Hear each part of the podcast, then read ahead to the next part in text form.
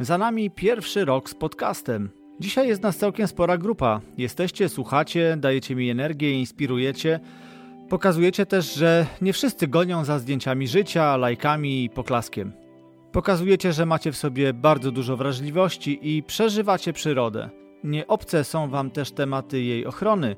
Jesteście za czystym etycznym podejściem do obcowania z naturą. To dla mnie wielka sprawa. Dzisiaj poza krótkim podsumowaniem tego podcastowego roku usłyszycie Adę Bogdanowską, która w ramach aktualności opowie Wam o fotografowaniu płazów, czyli temacie bardzo, bardzo na czasie. Natomiast w rekomendacjach usłyszycie moją rozmowę z Adamem Zbyrytem, autorem niesamowitej książki o strachu i stresie w świecie zwierząt. Od Adama usłyszycie, dlaczego nie trzeba się tej książki bać. W takim razie zapraszam do słuchania. Zaczynamy! Przy mikrofonie Michał Stanecki, a to jest podcast Spotkania z Przyrodą. Odcinek 31. W audycji poruszam tematy ważne dla miłośników przyrody, obserwatorów, fotografów i pasjonatów innych terenowych aktywności związanych z naturą. Rozmawiam z gośćmi, czasem zawodowcami, czasem amatorami, ale zawsze z zamiłowania przyrodnikami, specjalistami z różnych dziedzin.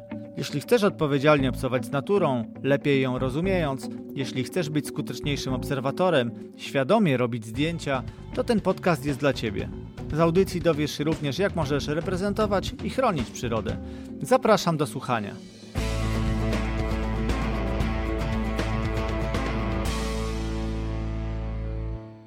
Cześć.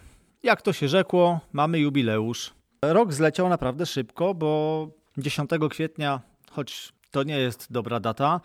10 kwietnia 2020 ukazał się odcinek z zapowiedzią podcastu. Dzień później, 11, to był pierwszy pełnoprawny odcinek zawierający już konkretne treści, czyli 11 kwietnia można powiedzieć ten podcast ruszył. No i faktycznie ten rok zleciał błyskawicznie i mógłbym tak powiedzieć dzisiaj z perspektywy czasu, co dobrego spotkało nas przez ten rok. Każdy coś tam e, u siebie znajdzie. No ja zdecydowanie mogę powiedzieć, że to ten podcast.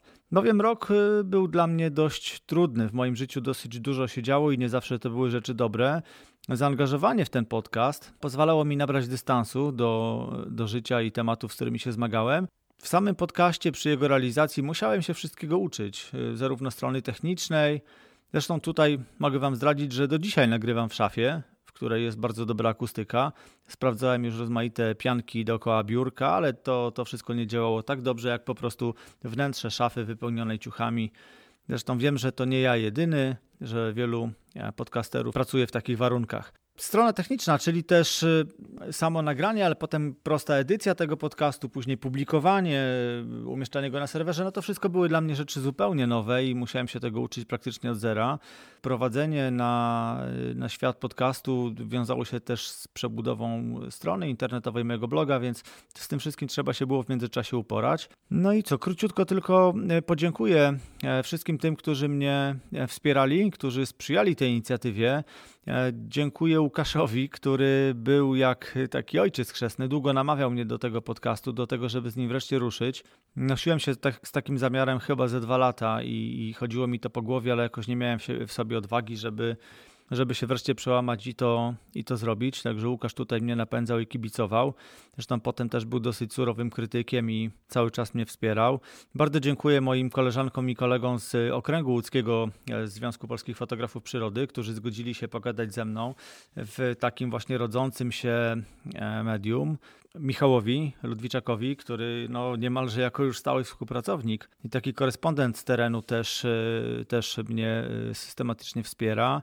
Adzie, Zbyszkowi, Maćkowi, Bartkowi, Agnieszce za wsparcie, przegadanie publikowanych materiałów, za garść krytycznych uwag, które no, cały czas pozwalają mi poprawiać się na, na różnych płaszczyznach. Dziękuję wszystkim gościom, którzy zaufali mi na tyle, że nie chcieli nawet autoryzować e, tych nagrywanych rozmów. Mm, w zasadzie zgodzili się na rozmowę w takim raczkującym projekcie. Bardzo to doceniam. Dziękuję też e, tym wszystkim moim rozmówcom za to, że udostępniali te odcinki na swoich kanałach. E, to, to dla mnie rzecz bezcenna, bo tutaj ta promocja w zasadzie działa tylko tak, że rozchodzi się kanałami e, z, od jednej życzliwej osoby do drugiej. Najmocniej jednak dziękuję Wam, moi drodzy słuchacze, bo bez Was no po prostu zupełnie nie miałoby to sensu. Fajnie, że jesteście. Dziękuję, że piszecie do mnie. Ani, Marcie, Monice, Michałowi, Pawłowi, Filipowi, wielu, wielu, wielu innym osobom, które dają mi znać, że słuchają. Angażujecie się, podsyłacie tematy, propozycje, dyskutujecie w pewnych kwestiach. Dziękuję też, że wy również udostępniacie te odcinki, wrzucacie je na różne fora, grupy fotograficzne, ptasiarskie, no, chociaż takich one akurat najczęściej są wycofywane i wyrzucane. Takie są dzisiaj realia. Dziękuję tym z Was, którzy piszą do mnie, że teraz y, dzięki temu podcastowi zupełnie inaczej patrzą na przyrodę i zupełnie inaczej podchodzą do jej fotografowania. Bardzo miło mi e, dostawać od Was takie sygnały. No, po prostu utwierdza mnie to w przekonaniu, że to, co robię, ma sens, i jeżeli są odbiorcy, do których to trafia, e, to znaczy, że trzeba dalej iść tą ścieżką, e, opowiadać o tym, jak wspaniała jest przyroda i jak możemy ją przeżywać.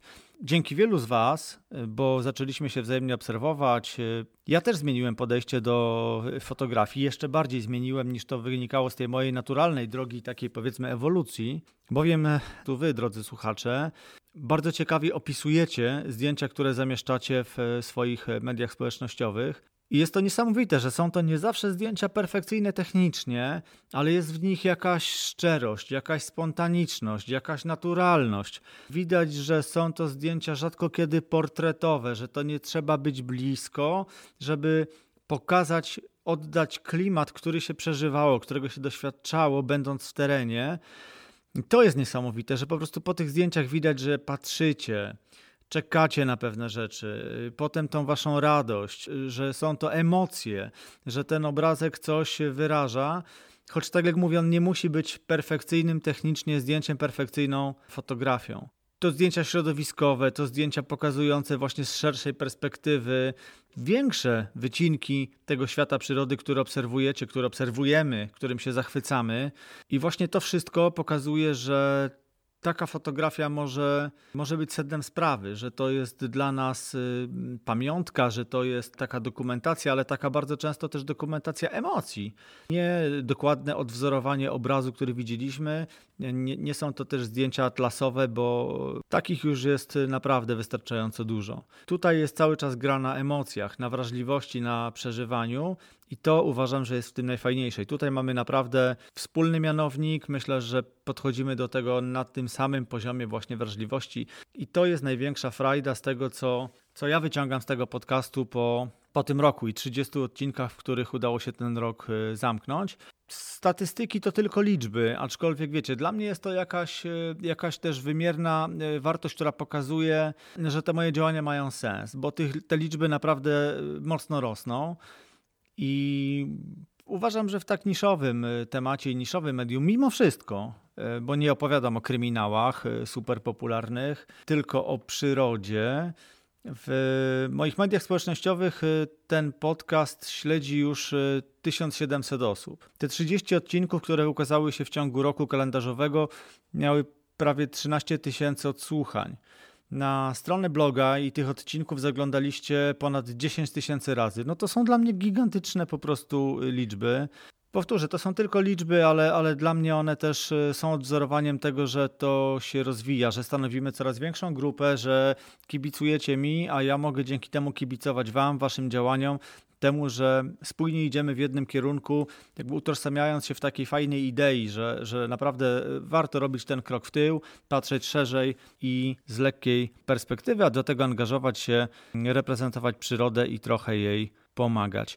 Zamieściłem ostatnią ankietę, jeszcze zbieram informacje, pewnie, pewnie niebawem się z Wami podzielę jej wynikami, ale chcę jeszcze, żeby po tym odcinku też, kto jeszcze nie miał okazji, a kto jest kibicem tego podcastu, kto go słucha, mógł się tam wypowiedzieć, stawiając odpowiednie ptaszki przy poszczególnych pozycjach. Chodzi o to, gdzie najczęściej, czy w jakich okolicznościach najczęściej macie ten kontakt z przyrodą, w jaki sposób z nią obcujecie. Czy są to jakieś aktywności sportowe, czy są to aktywności typowo przyrodnicze, czy jest to fotografia, czy jest to spacer, lornetka, obserwacje ptaków, birdwatching typowy, zaznaczcie proszę, bo da mi to pewne wytyczne, e, które posłużą też do tego, żeby wybierać e, tematy dla kolejnych odcinków i określą trochę kierunki, w które można pójść. Bo właśnie, będę się nadal kręcić wokół fotografii, aczkolwiek no, dużo już zostało przez ten rok powiedziane, powiedziane o, o, o różnych kategoriach tej fotografii, różnych technikach fotografowania.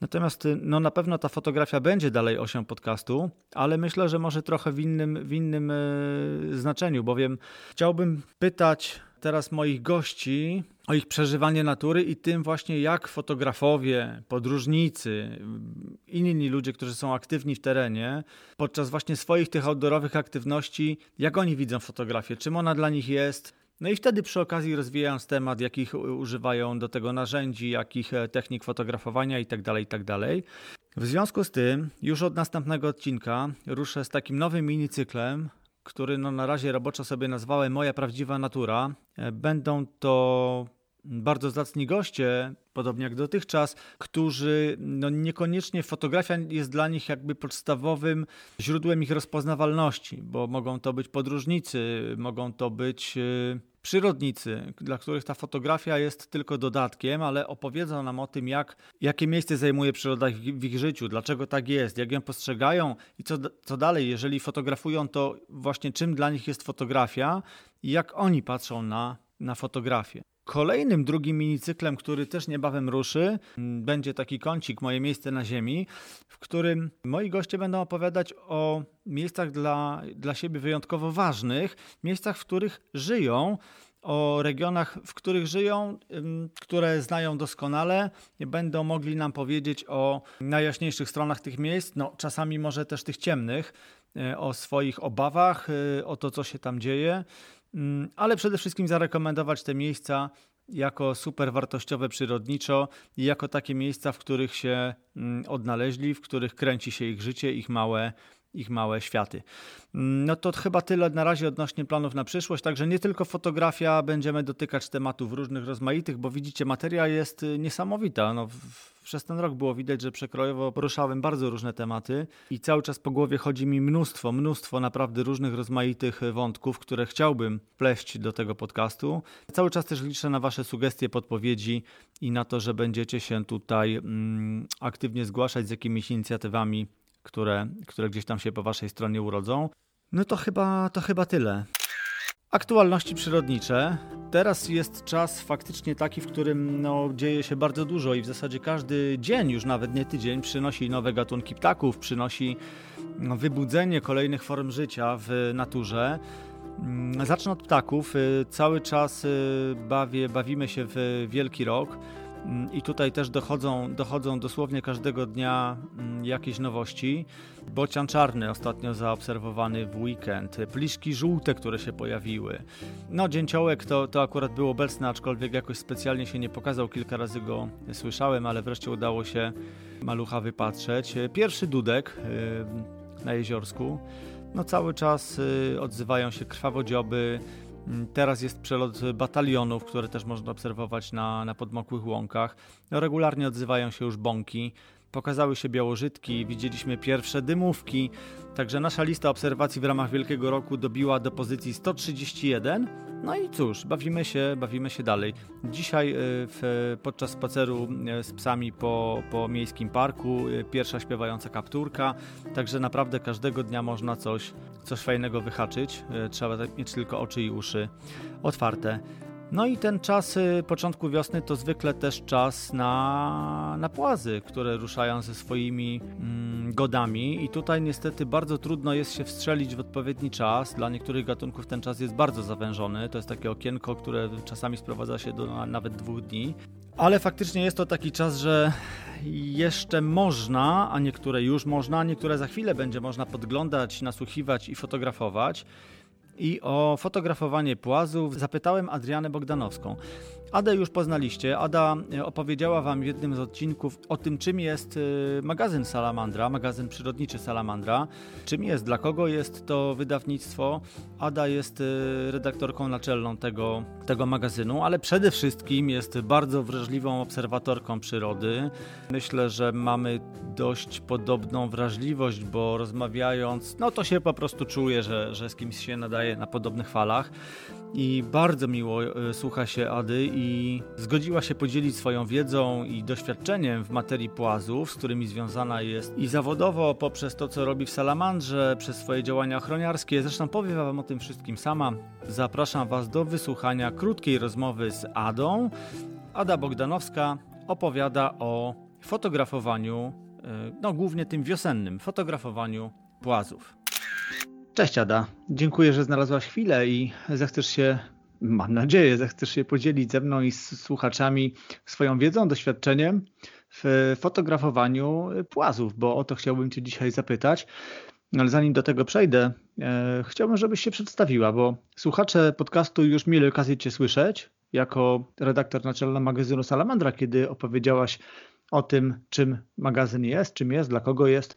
A dzisiaj masz okazję się e, przywitać i powiedzieć o sobie, e, czym się zajmujesz. Cześć, przede wszystkim bardzo dziękuję za zaproszenie. Nie wiem, czy jestem akurat odpowiednią osobą, która powinna mówić o fotografowaniu płazów, ale. Ja zaraz jakiś, o tym powiem, dlaczego jesteś. Jakiś, e, jakieś doświadczenie minimalne mam i tym, co wiem, czy z czym miałam do czynienia, mogę się i chętnie się podzielę. No i swoimi wątpliwościami również, bo sporo e, w związku z fotografowaniem płazów mam jakby coraz więcej nawet wątpliwości i, i z tym również e, chętnie się podzielę. A czym się zajmuję? No, zajmuję się, tak jak wspomniałeś, przede wszystkim redagowaniem czasopisma przyrodniczego, magazynu przyrodniczego Salamandra. I ta praca, zarówno ta praca, jak i zainteresowanie takie już naukowo, powiedzmy, przyrodnicze, e, również zdobyte z czasem wykształcenie w tym kierunku, wiąże się właśnie niemal bezpośrednio z płazami, a w szczególności z żabami moczarowymi. Próbowałam sobie to przypomnieć troszkę, bo gdy mówię, opowiadając o swoich zdjęciach, o swoich takich pierwszych krokach na drodze fotograficznej, która świadomie zaczęła się dość późno, a nieświadomie trwała e, w czasie studiów. E, myślę, że chyba w czasie studiów, właśnie na przełomie szkoły średniej, a studiów się troszkę zaczęła dopiero też. A nieświadoma, ponieważ było to dokumentowanie tak naprawdę przyrody, dokumentowanie tego, co widziałam, co niekoniecznie się przekładało na jakąś wartość artystyczną tych zdjęć, a wręcz powiedziałabym, że się w ogóle nie przekładało, o co mieli początkowo pretensje moi rodzice. Wtedy jeszcze się robiło zdjęcia na kliszach e, e, analogowym aparatem i to były spore koszty, kiedy się takie zdjęcia wywoływało i odbitki robiło na papierze. No i w związku z tym rodzice nie byli za bardzo zadowoleni z moich e, osiągnięć fotograficznych, na których e, nie było mnie. E, nie było mnie na tych zdjęciach, a były jakieś, po poznańsku mówiąc, ogigle, które no, no, nic nie przedstawiały i nie, nie prezentowały się najlepiej, więc, więc nie bardzo było co wspierać jeśli chodzi o moją twórczość. W każdym razie rzeczywiście ta przygoda zaczęła się od żab, które kiedyś przy okazji takiej wędrówki czy, czy przejażdżki rowerowej zauważyłam w okresie właśnie wczesnowiosennym w jednym z podpoznańskich takich y, oczek wodnych, które było po prostu niebieskie i, i to mnie zafascynowało wtedy, bo po raz pierwszy spotkałam się z niebieskimi żabami. Później zaczęłam drążyć, szukać, czytać i, i już teraz oczywiście dobrze wiem, co to były za żaby i, i dlaczego w tym czasie miały taki, a nie inny kolor. No i od tego się chyba zaczęło i fotografowanie, i ta droga, która gdzieś z tych y, rejonów polonistycznych, od których zaczęłam swoją edukację wyższą, zboczyła na, na tereny y, i rejony y, ochroniarskie, przyrodnicze, więc a wszystko to spuentowało się w mojej pracy zawodowej, którą jest redagowanie czasopisma przyrodniczego, więc no, był to jakiś znak, siła wyższa. A już nie mówiąc o tym, że, że w takim zawodowym życiu również zajmuję się płazami i gadami, mm, prowadząc różnego rodzaju ekspertyzy czy inwentaryzacje przyrodnicze właśnie, właśnie pod tym kątem, pod kątem płazów i gadów. Więc te płazy e, cały czas ze mną są. No przede wszystkim fotografia wiąże się z wiedzą na ich temat i, i tym, gdzie i czego mogę szukać i w jakich warunkach. No i zaraz o to będę Cię pytał, licząc na to, że właśnie trochę tej wiedzy swojej ujawnisz. Ale żeby jeszcze, jeszcze uporządkować, zanim się rozkręcisz, e, to powiem, dlaczego uważam, że jesteś właściwą osobą. No, przede wszystkim wystarczy spojrzeć na Twoje portfolio i na Twoje fotograficzne dokonania.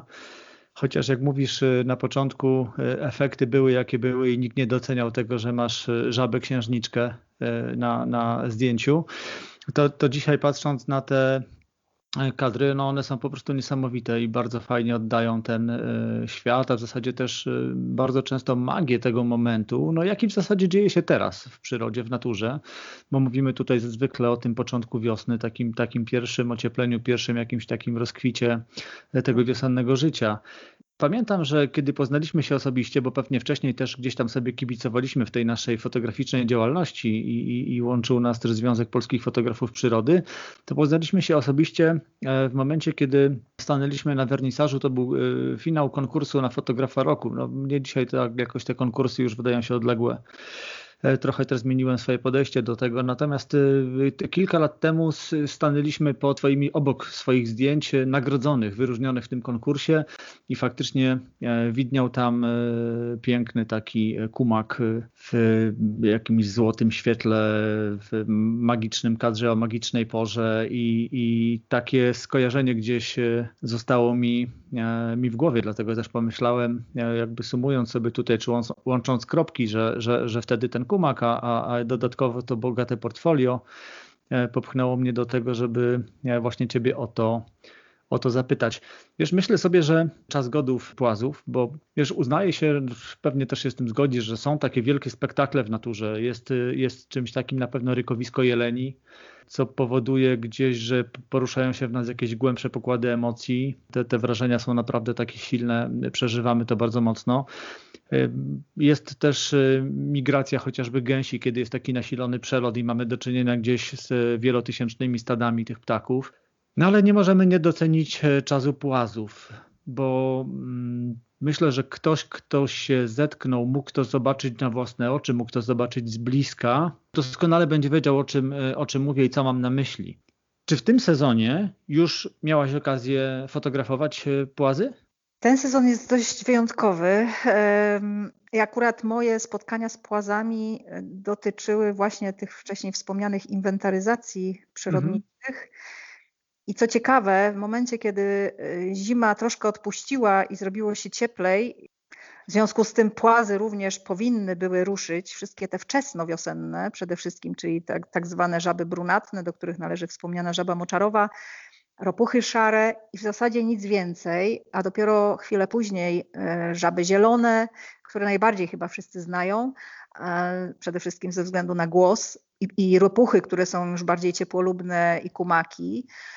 Mm, no to tak naprawdę ten mój sezon zaczął się od żab zielonych właśnie, wcale nie od żab brunatnych, od tych wczesnowiosennych, które jeszcze czasami nawet po śniegu podążają już do zbiorników godowych, tylko od żab, które są bardziej ciepłolubne i związane bardziej z wodą już ale tylko na nich się póki co skończył, bo rzeczywiście nie miałam okazji e, widzieć. Słyszeć słyszałam pojedyncze, e, pojedynczą ropuchę jedną i pojedynczą żabę moczarową już wcześniej, ale jeszcze nie trafiłam na moment takiego rozkwitu tego okresu godowego, a później przyszła znowu zima i wszystko schowało się tam, gdzie mogło, do, czy do, do ziemnych kryjówek z powrotem, czy na dno zbiorników, po niektóre, niektóre płazy się mogły pochować Pewnie część zamarzła, trudno powiedzieć. Te, które ruszyły już w drogę i nie zdążyły się w porę schować, być może straciły życie. Część już została niestety rozjechana przez samochody inne pojazdy, ale y, to jest niestety taka, tak, tak, taki smutny, bardzo smutny y, element właśnie tego okresu. Ale rzeczywiście nie miałam okazji jeszcze trafić na, na taki spektakl, o którym wspomniałeś. I rzeczywiście te, te wszystkie misteria przyrody, o których, które też wymieniłeś, czy rykowisko, czy, czy zloty gęsi, czy, czy właśnie gody płazów, tak sobie teraz myślę, że łączy jedno, właśnie to, że, że jest to takie wtedy mocno intensywne i dostrzegane przez wszystkich, bo z płazami jednak mamy, czy z, czy z gęsiami, czy z jeleniami, cały sezon, cały rok do czynienia i możemy je widywać i spotykać, ale nie ma tego momentu, tego efektu. No wiadomo, że w przypadku jeleni, no to tutaj ten ich głos yy, i to, że możemy takie zaślepione miłością zwierzęta obserwować czasami z bardzo bliska i, i doznawać tych niesamowitych emocji, uczuć w związku z rykiem przez niewydawanym. E, ale z płazami jest to samo. Ten okres godowy wyzwala w nich y, potrzebę komunikowania się, czyli one też się odzywają. I, i to, że mniej reagują, tak myślę, no mnie to przyciąga przynajmniej, to, że mniej reagują na, na człowieka, one w zasadzie są obojętne na człowieka, one reagują w danym momencie na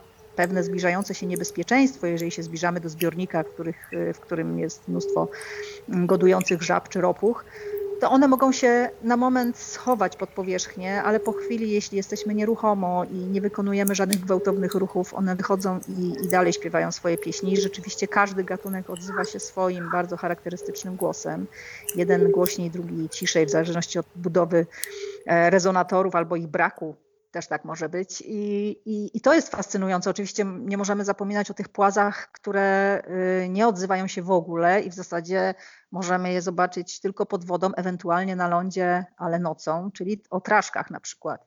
E, które też e, są no, motywem fotograficznym, myślę, że dość ciekawym. Ja akurat e, jedynie w kałużach fotografowałam traszki, które mogłam, w których mogłam zanurzyć aparat, taki mały aparacik podwodny i tylko w ten sposób troszkę tak na ślepo strzelając migawką robiłam im zdjęcia, ale wiem, że niektórzy fotografowie fotografują traszki, łapiąc je wcześniej do akwariów. I to chyba nie za bardzo jest wskazany, wskazany sposób na fotografowanie chociaż nie wiem, czy nadal się tak w ten sposób w ogóle, czy w ogóle ktoś fotografuje traszki, ale dawniej robiono to e, bardziej ze względów dokumentacyjnych, żeby było, było zdjęcie po prostu gatunku i myślę, że to mm, wiązało się troszkę z czymś innym. No i choćby to nie, nie, nie idźmy w tę stronę, wiesz, to, to, mm -hmm. to tak jak kiedyś praornitolodzy musieli, wiesz, wysłać strzałę z łuku i, i, i zestrzelić e, bociana, żeby go zbadać, nie? To, to nie, nie chcemy tak.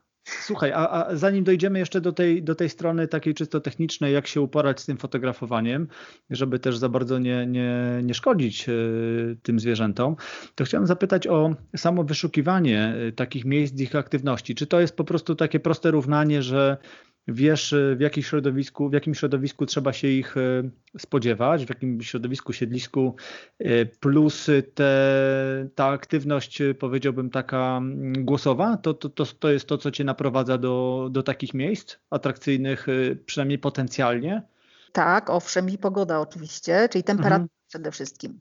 Znaczy to, to, z czym mamy w tym roku problem, bo mamy tą taką pogodową huśtawkę tak. bardzo mocną jest. No, dla płazów jest bardzo ważna temperatura. No, musi być przynajmniej 10 stopni jednak, żeby, a szczególnie woda musi mieć taką temperaturę, żeby one e, ochoczo do tych godów przystąpiły. Mało tego, żaby moczarowe się nie przebarwią nawet na ten piękny taki błękit e, bardzo charakterystyczny dla samców, e, jeśli nie jest odpowiednio ciepło. One mogą godować, ale nie mają takich, takich pięknych barw. No i te gody akurat w przypadku żab e, brunatnych, czyli, czyli głównie moczarowych i trawnych, e, one trwają bardzo krótko. To może być kwestia dwóch, trzech dni, dosłownie, jeśli odpowiednie warunki oczywiście sprzyjają temu. Ale właśnie te wszystkie czynniki wcale nie są takie przewidywalne, jakbyśmy się spodziewali. Ja sama jestem niejednokrotnie zaskakiwana, właściwie trudno powiedzieć przez co, bo wydaje się, że pogoda jest idealna, bezwietrzna, jest wieczór, w miejscu, gdzie jestem w miejscu, gdzie wiem, że te płazy są, czy były e, dotychczas e, z roku na rok i się odzywały, a tu nagle totalna cisza. I tak się zastanawiam niejednokrotnie, jak się bada właśnie płazy i się jedzie w jakieś miejsce jeden wieczór, czy, czy powiedzmy no, dwa razy się e, nasłuchy robi, bo wtedy się rzeczywiście robi głównie nasłuchy mm, albo odławia, żeby sprawdzić, jaki gatunek konkretnie dany zbiornik zamieszkuje, czy w jakim goduje. W każdym razie to często wcale nie musi tak być, że te płazy się muszą odzywać. One mogą milczeć z różnych przyczyn, niewiadomych tak naprawdę, po prostu, po prostu się nie odzywają, i, a mogą być, więc y, to jest często takie mylące. No i nie można mieć pewności, że rzeczywiście, jak jest świetna pogoda, mamy miejsce, gdzie one zawsze były, to one będą. Niekoniecznie. Są też miejsca, gdzie po prostu znikają płazy. W ogóle musimy też o tym mówić, że płazów jest coraz mniej. Ja to obserwuję nie tylko ja oczywiście z roku na rok, że E, wcześniej łąka, która się niemal ruszała pod nogami, ona w tej chwili jest pusta. Że gdzieś tam pojedyncza żabka skoczy, ale, ale to nie jest to, co było kiedyś. I rzeczywiście te gody też odbywa coraz mniej płazów. Są miejsca, w których były na przykład rzekotki, które fotografowałam w miejscach, które zdawałoby się w ogóle się nie zmieniły. Jest nadal woda, specjalnie otoczenie też nie, nie, nie zmieniło się jakoś szczególnie.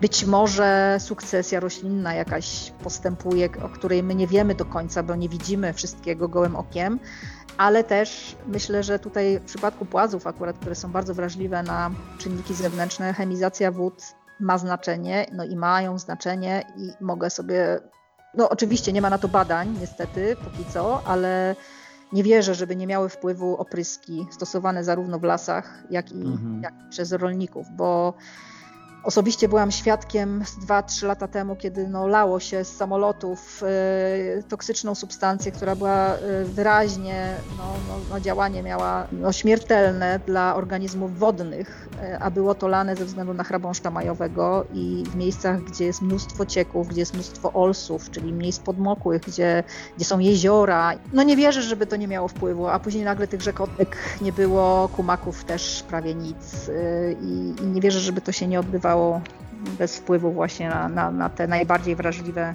mm, organizmy. Dobra, wracamy na jasną stronę. E, słuchaj, jeżeli masz to potencjalne, masz to potencjalne miejsce, w którym, e, no tak jak mówisz, bardzo trudno będzie trafić, bo wiesz, no ja, te, ja też próbowałem wielokrotnie i wielokrotnie tego doświadczałem, że na przykład spóźniałem się, choć wydawało się, że jest bardzo wcześnie, i że, i że jeszcze jest czas i, i szedłem na przykład tylko sprawdzić, a okazywało się, że już trafiałem na efekty te, ty, ty, tych godów w postaci e, zalegającego e, skrzeku. Tak. I, I w zasadzie było już po, po, po zabawie.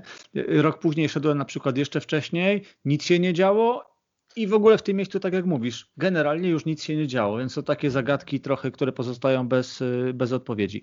No ale przyjmijmy teraz, że mamy takie miejsce, które potencjalnie jest no, atrakcyjne do, do tego, co chcemy tam realizować i że trafiamy na ten moment, kiedy, kiedy idziemy fotografować. To teraz o technikalia. Jak się przygotowujesz do takiego pleneru specyficznego? I, I, mam na myśli tutaj zarówno tę stronę e, sprzętowo-fotograficzną, czyli co masz e, wtedy w plecaku, a jaki, jaki stosujesz sprzęt, sprzęt pomocniczy? Czy wystarczają do tego kalosze, czy to jednak jakieś spodnie buty i, i gdzieś tam jednak, nie wiem, siadasz albo, albo, nie wiem, klękasz? Tak troszeczkę byś tutaj uchyliła warsztatu. To bardzo różnie wygląda, bo rzeczywiście wszystkiego, wszystkich tych elementów, o których wspomniałeś, można użyć jak najbardziej. E, również jeśli chodzi o sprzęt optyczny, no wszelkie możliwości, wszelkie ruchy są e, dozwolone, bo, bo to zależy od wizji tak naprawdę. Można wykorzystać e, obiektyw szerokokątny i zrobić zbliżenie, bo bywa tak, że żaby w tym takim amoku godowym pozwalają pozwalają wręcz się pogłaskać po głowach, one wchodzą na nogi, one no, w ogóle sobie nic nie robią z tego kogoś, kto się nawet rusza, bo, bo na pierwszym momencie rzeczywiście e, się chowają, a bywa tak, że nie wychodzą albo wyjdą na sekundę i wystarczy, że się kiwnie lekko paluszkiem i już ich nie ma i znowu ich nie ma pół godziny, więc też bywa tak, a bywa tak, że one są, myślę, że to duże znaczenie ma jednak temperatura, bo rzeczywiście im cieplej, tym one są bardziej e, jakby nie reagują na to, co się dzieje na zewnątrz, bo są tak, tak podniecone, że, że rzeczywiście tylko, tylko wywołują te swoje panie z brzegów e, żeby dokonać dzieła. E, I można robić właśnie wtedy bardzo duże zbliżenia i żeby objąć całe siedlisko żeby to ładnie pokazać, można zrobić szerokim kątem, można fotografować e, żaby, które gdzieś tam w tych bryłach z krzeku się przetaczają, bo one rzeczywiście tak nieskładnie się poruszają. Czasami stworzą kombinacje wielo, wieloosobnikowe, z których wystaje czasami jedna łapa, druga, czasami noga. No, zwykle samce topią w ten sposób samice, to też się zdarza. E, ale właśnie te, te, obserwacje są bardzo ciekawe i przede wszystkim dla mnie osobiście bycie w takim miejscu, samo bycie i uważność jest najważniejsza. Zdjęcie jest drugorzędne, bo rzeczywiście nawet nie zawsze te zdjęcia y, jest po co robić, bo jeżeli jest taka akcja, no to trudno nawet y, na zdjęciu coś ładnego pokazać. Można ewentualnie nakręcić film, który pokazuje te zachowania też w ciekawy sposób. Czasami są to też materiały, które można też wykorzystać w celach naukowych, bo, bo sporo nowych informacji można również w ten sposób gdzieś tam przekazać. Można Ale, makrooobiektywem? No tak, można makro jak najbardziej, jeśli jest się mm, dość blisko. Można też długim obiektywem, Tele. Mhm. teleobiektywem, jak najbardziej. I ja myślę, y, akurat skłaniam się najbardziej ku teleobiektywowi, bo można zdjęcia robić wtedy też nieinwazyjnie, w sensie nie wchodząc do zbiornika albo wchodząc na jakąś wysepkę, którą tworzy w Olsie na przykład właśnie Olcha z kępą, tużyc. Mhm. Y, można też użyć statywu, który będzie tuż nad wodą, na, nad powierzchnią wody y, ten aparat nasz utrzymywał. Ja korzystam z wizjera kątowego często po prostu nawet y, czy kładę się na brzegu właśnie albo jestem nad, nad powierzchnią wody i wtedy mogę niemal osłonę od obiektywu włożyć do wody i, i sobie właśnie wizjerem w ten sposób pomagać, pomagając, nie, nie musząc się w tej wodzie taplać po uszy przepraszam, że wejdę w słowo, ale mówimy tutaj o tej y, legendarnej żabiej perspektywie. Tak I to, to, wy, to wymusza te nasze działania, że trzeba się gdzieś tam na brzegu tego zbiornika po prostu wytarzać w błocie, bo inaczej nie osiągniemy zamierzonego e, tak. celu, czyli tego tak. budowania kadru według takich optymalnych zasad. I tutaj dosłownie właśnie potraktowanych, bo rzeczywiście, jeśli chcemy uzyskać też y, jakieś efekty specjalne, typu odbłyski, rozbłyski światła, jakieś odbicia, e, refleksy na wodzie, e, robiąc zdjęcia pod słońce, bo to też mhm. jest, y, myślę, właśnie wspominając, wspominałeś o tym kumaku w blikach, rzeczywiście to zdjęcie akurat kumaka pokazuje jego nazwę nawet ukazuje, z jakiego powodu został nazwany y, bombiną, bo jego nazwa łacińska naukowa to bombina bombina, taki tworzy taki bąbelek na, na wodzie, rzeczywiście jak nadyma swoje płuca. On akurat powietrze zbiera w płucach, żeby wydać to swoje charakterystyczne, smętne pochukiwanie. Bo to jest Oczy, oczywiście załączymy to zdjęcie i pokażemy je, pokażemy je tak, słuchaczom tak. też w notatkach do odcinka na pewno je pokażę. To jest bardzo niewielki płas. On ma, dorosły osobnik ma około, ja wiem, do 5 centymetrów długości, także naprawdę niewielki. Ale jak się nadyma, to tworzy rzeczywiście spory bąbel, a przy tym ma dość wyłupiaste, mocno takie, takie na samym jakby czubku głowy usadowione oczy to zdjęcie pod światło, które stworzyło w zasadzie kontur tego zwierzęcia nadymanego, tego balonika, gdzie widać te dwa porządne takie, takie bąble po bokach jakby tych oczu, to, to ukazują właśnie bardzo charakterystyczny układ czy, czy kształt ciała tego akurat gatunku, więc y, można, można się w ten sposób bawić.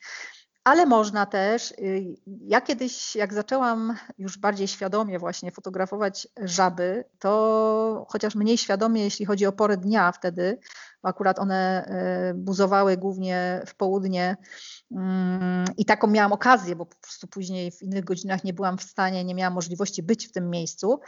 Y, fotografowałam je w samo południe, ale w leśnym, takim bardzo płytkim zbiorniku, Olsie. I za tło posłużyły, no niestety ścięte, ale świeżo ścięte olchy, które mają e, drewno czerwone.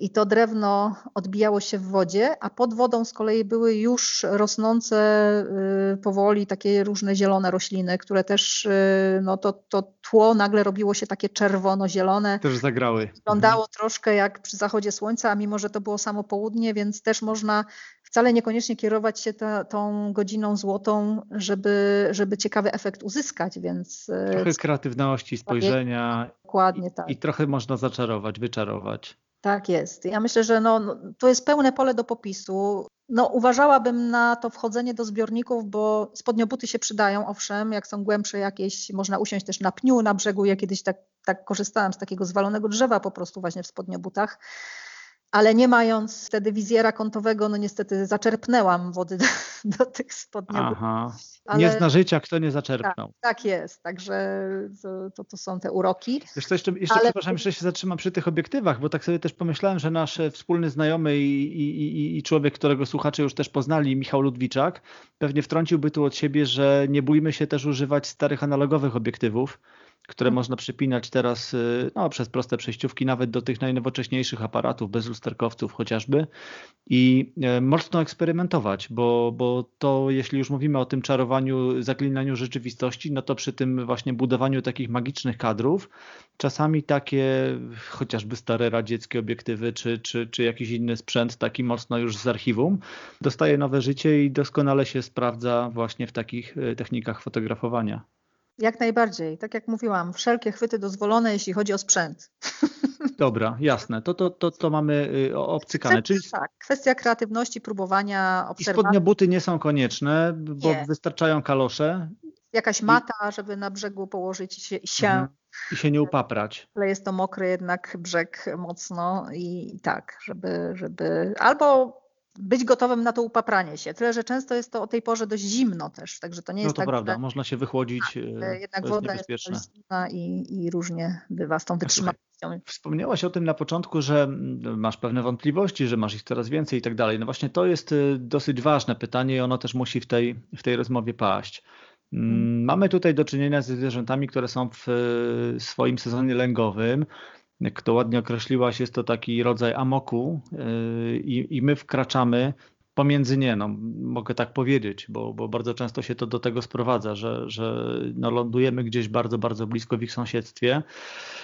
No to kilka słów o takich środkach yy, ostrożności, bo tutaj znowu mówimy o bardzo delikatnej granicy, którą łatwo jest yy, przekroczyć. I to nie musi być tak, że my będziemy te mm, żaby, nie wiem, łapać i kreować pewne sytuacje poprzez, nie wiem. Nie, nie możemy robić. Wiesz, ja, ja, ja widziałem różne zdjęcia tego typu, gdzie mamy, y, wiesz, żabę, która sobie siedzi na muchomorku, y, czy bezpośrednio pod, czy. czy... Ja, mogłaby ja, Mogłaby, nie, mogłaby, mogłaby, tylko wiesz, to samo to, że na to patrzę, gdzieś już mi budzi w głowie taką myśl, wiesz, czy, czy faktycznie ktoś miał taki fart, że, że taką sytuację zastał, ale też kiedyś no, pe pewien fotograf tam się gdzieś przyznał, że no, wiesz, mało inwazyjnie, bo tylko tam przesunął żabę o parę centymetrów, ale no to właśnie o tym mówimy, nie? To właśnie o tym mówimy. Dokładnie tak, także to, to, to bardzo często widać na zdjęciach rzekotek i salamander niestety i one są często y, ustawiane co no, no jest absolutnie niedozwolone i, i, naganne, choćby ze względów etycznych, ale też prawnych, bo, bo to są wszystko zwierzęta chronione i nie należy ich celowo przetrzymywać, przemieszczać, ustawiać do zdjęć. Yy, oczywiście wyjątkiem są tutaj sytuacje, kiedy chcemy pomóc takim płazom, bo jak już wspomniałam, no w tym okresie szczególnie te, które wędrują do zbiorników wodnych ze swoich kryjówek yy, lądowych, jeśli jest ta wędrówka, odbywa się masowo, szczególnie po, po deszczach, no to niestety kończy się to tragicznie dla wielu, wielu osobników, więc one idą na ilość, a nie na jakość, jeśli chodzi o rozród. Wiadomo, że tych y, młodych, które się jaj składanych i, i e, czy znoszonych i, e, i mm, później tych młodych, które się wykluwają tych jaj jest dużo więcej, no bo część po prostu jakby już od góry wiadomo, że zginie, no ale możemy temu choćby nawet fotografując przeciwdziałać. E, jeśli jesteśmy na przykład y, gdzieś przy drodze, którą wędrują do zbiornika ropuchy, a tą drogą na przykład może nie jeżdżą samochody, ale jeżdżą e, rowery albo mm, bryczki, bo ja akurat miałam do czynienia z czymś takim, więc mówię jakby ze swojego punktu widzenia, to możemy, możemy z ludźmi porozmawiać, możemy ich uczulić na to, że tam w kałuży właśnie siedzą ropuchy i żeby zsiedli z rowerów, żeby przeprowadzili ostrożnie, żeby nie przejeżdżali i tak dalej. Możemy oczywiście sami pomóc i przenieść, ale nigdy gołymi rękoma. I to też jest istotne, bo mało kto o tym wie, że płazy cierpią na skutek dotyku e, i kontaktu z naszą skórą, z naszymi wydzielinami, które no, no solą przede wszystkim, którą mamy na dłoniach. E, warto wtedy mieć rękawiczki jednak lateksowe i je w ten sposób przynosić. A jeśli nie mamy, no to pomoczyć wodę ręką. To taka dodatkowa informacja, ale wtedy oczywiście tylko przenosimy i nie przetrzymujemy, nie ustawiamy ich do zdjęcia absolutnie, tylko przenosimy, żeby im pomóc pokonać drogę. W ramach akcji ratowniczej. Tak jest, tra tragicznie. No absolutnie nie wyobrażam sobie ustawiania, ustawiania płazów do zdjęć. Staramy się też no, jak najmniej je płoszyć. Jak, jak mówiłam, żaby czy ropuchy akurat w tym czasie no, są tak zdeterminowane, że sobie specjalnie nie robią z naszej obecności y, nic, tyle że jeżeli wparadujemy nagle w kaloszach albo w spodniu, no wszystko jedno w czym, tylko wparadujemy w środek takiego godowiska, no to musimy się liczyć z tym, że nie dość, że no powiedzmy z krzeku może nie zdepniemy, bo on wypłynie gdzieś tam przynajmniej ten, który jest y, w Obok. pakietach, w mhm. bulwach e, składany. Gorzej może z tym skrzekiem, który jest przez ropuchy w formie taśm przy, przyczepiany do, do roślin na dnie zbiornika, ale płazy, które są y, przyzwyczajone do tego, że muszą się chronić przed ewentualnym niebezpieczeństwem typu, nie wiem, bocian czarny albo biały, czy jakiś ptak w każdym razie, czy, czy ssak, który może na nie zapolować na powierzchni wody, one po prostu opadają na dno zbiornika i albo zagrzebują się, żaby najczęściej się zagrzebują w liściach czy tam w tym osadzie, który jest na dnie tego płytkiego zbiornika, i się nie ruszają z tego miejsca. Ja w zeszłym roku obserwowałam ropuchy, które w, będąc w ampleksusie, czyli te pary, które są ze sobą związane tak w uścisku, to, to fachowo się nazywa ampleksus, uścisk godowy, e, one opadają na dno zbiornika, nie zagrzebują się w niczym, bo jakby no, mają wdrukowane, że nic im pod wodą nie grozi. I tak zostają. I, I, ja to obserwowałam właśnie w bardzo przezroczystej wodzie, tak z ciekawości właśnie, stawiając nogę delikatnie, posuwając ją po dnie, żeby sprawdzić, czy one uciekną. One nie uciekały. Więc gdybym tam weszła, to bym po prostu je zdepnęła. I to, to jest dla mnie, no to był dla mnie taki sygnał bardzo, bardzo mocno ostrzegawczy, bo owszem, można wejść gdzieś, gdzie powiedzmy one są oddalone i delikatnie posuwając nogę, żeby niczego nie zdepnąć, żeby ewentualnie te, które się gdzieś tam ukryły, popłynęły dalej. Jest szansa, ale te ropuchy dały mi do zrozumienia, że jednak nie zawsze tak jest i możemy im bezpośrednio zaszkodzić w ten sposób. Więc trzeba być bardzo, bardzo uważnym przede wszystkim i na, no i na pewno nie wchodzić tam, gdzie akurat one się gromadzą. Więc jeżeli chcemy im robić zdjęcia, no to albo właśnie w zbliżeniu, ale z brzegu, albo, bo też można, to wszystko zależy od tego, gdzie one są usadowione, jest taka możliwość, albo, albo z miejsca, gdzie mamy jakąś perspektywę i chcemy też wykorzystać właśnie jakieś efekty świetlne i wtedy wcale nie musimy być blisko nich, a wręcz nawet nie jest to zbyt wskazane, więc no zrobimy, albo nie zrobimy im żadnej krzywdy i, i nie ma żadnego problemu. No one na pewno są wdzięcznym e, tematem fotograficznym właśnie z tego względu, że są takie obojętne na nas, a to chyba najbardziej przyciąga w ogóle y, i daje największą satysfakcję, jeśli zwierzę na nasz widok nie ucieka w popłochu i po prostu jest i ignoruje nas i, i zajmuje się swoimi sprawami, zachowuje się w naturalny sposób.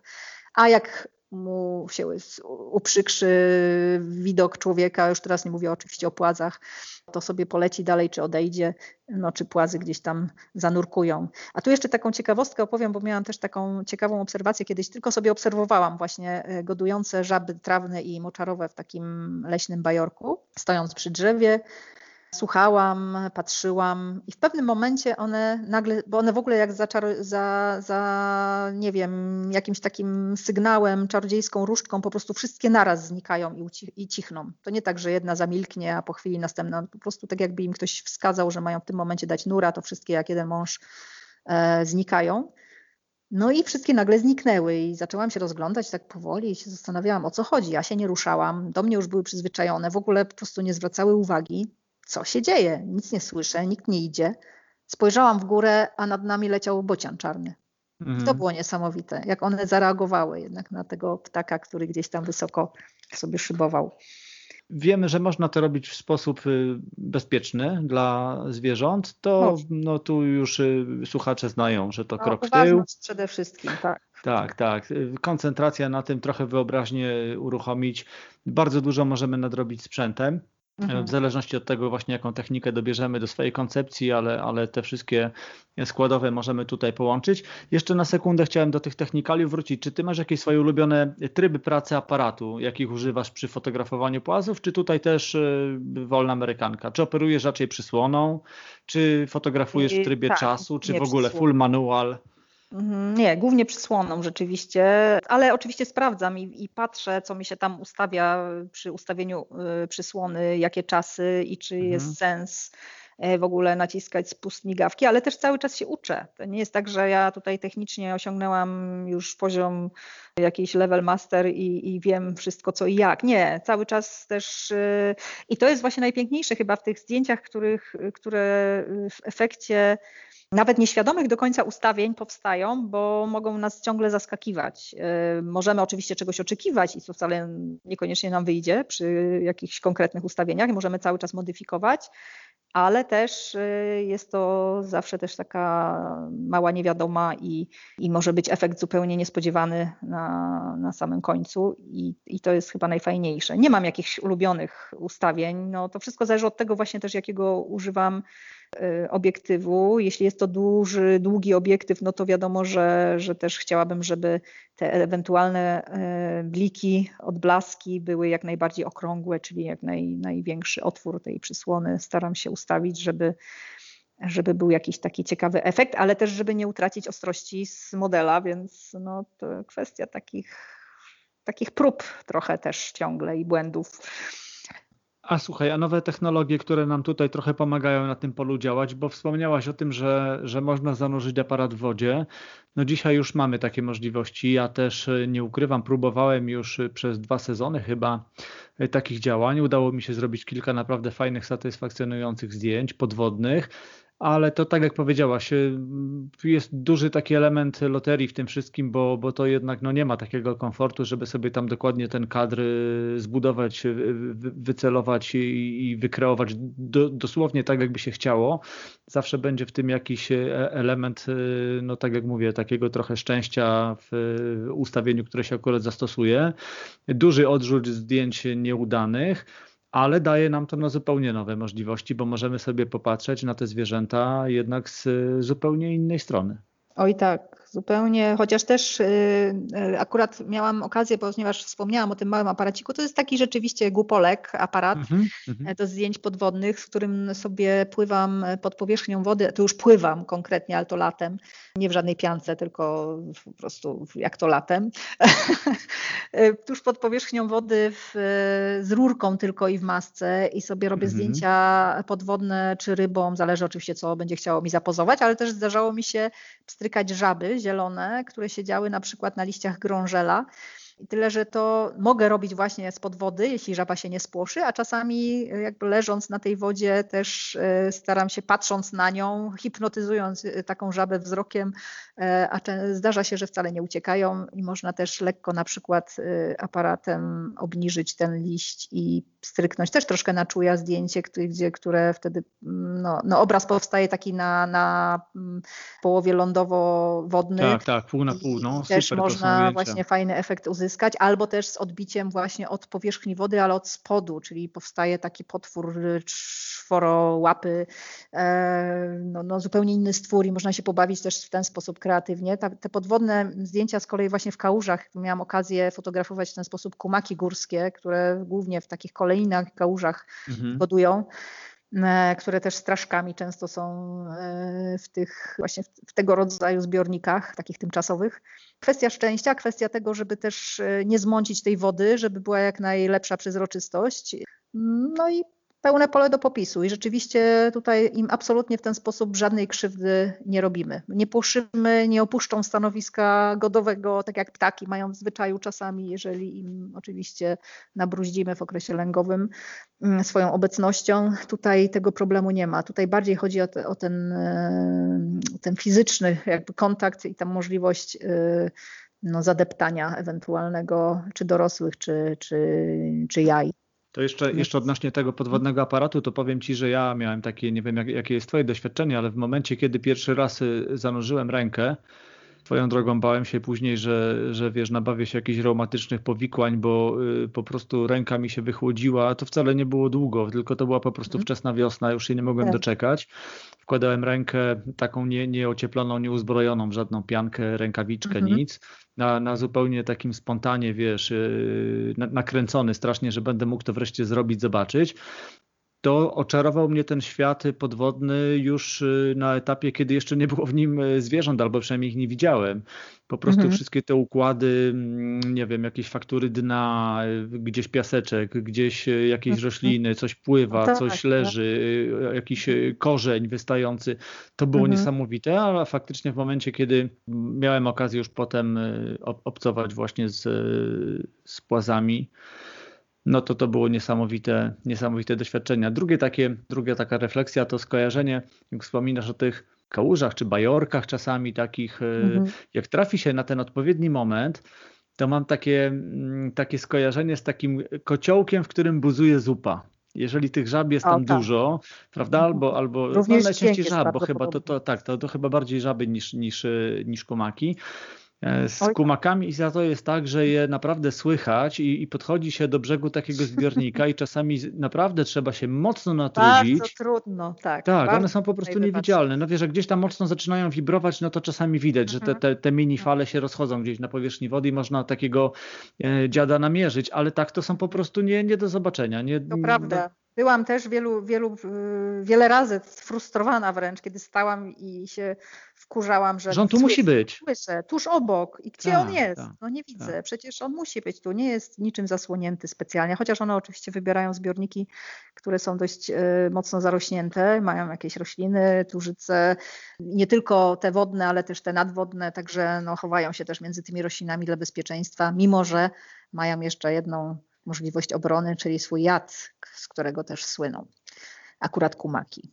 A słuchaj, teraz y, przy tej huśtawce pogodowej myślisz, że jeszcze, jeszcze przed tobą jest jakieś podejście do, do tematu? Sprawdzę jutro, e, czy są ropuchy. Powiesz, dzisiaj rano, dzisiaj rano w Łodzi mhm. mieliśmy odczuwalno minus 4 a jutro, z tego co widzę w y, prognozach takich przez, przez ICM, no to tam około 16 stopni w plusie, nie? Także tak, to, będzie, być, to tak będzie znowu takie Ale wahadło. tylko weekend podobno właśnie. Tak, w poniedzieli znowu, znowu przymrozki. Także no, ciąg dalszy, tak. Myślę, że tym razem tak sobie gdybam, że one to wszystko zrobią cichaczem. To znaczy nie, no część w ogóle nie przystąpi zapewne do, do godów, część Wczoraj rozmawiałam z kolegą herpetologiem właśnie o tych y, takich wahaniach pogodowych i, i, o tych obserwacjach, które właśnie wiążą się z tym, że w zbiorniku, w którym no, zdarzały się właśnie jakieś wielkie godowe takie pochukiwania, w tej chwili w zasadzie jest pusto albo jakieś pojedyncze się odzywają osobniki.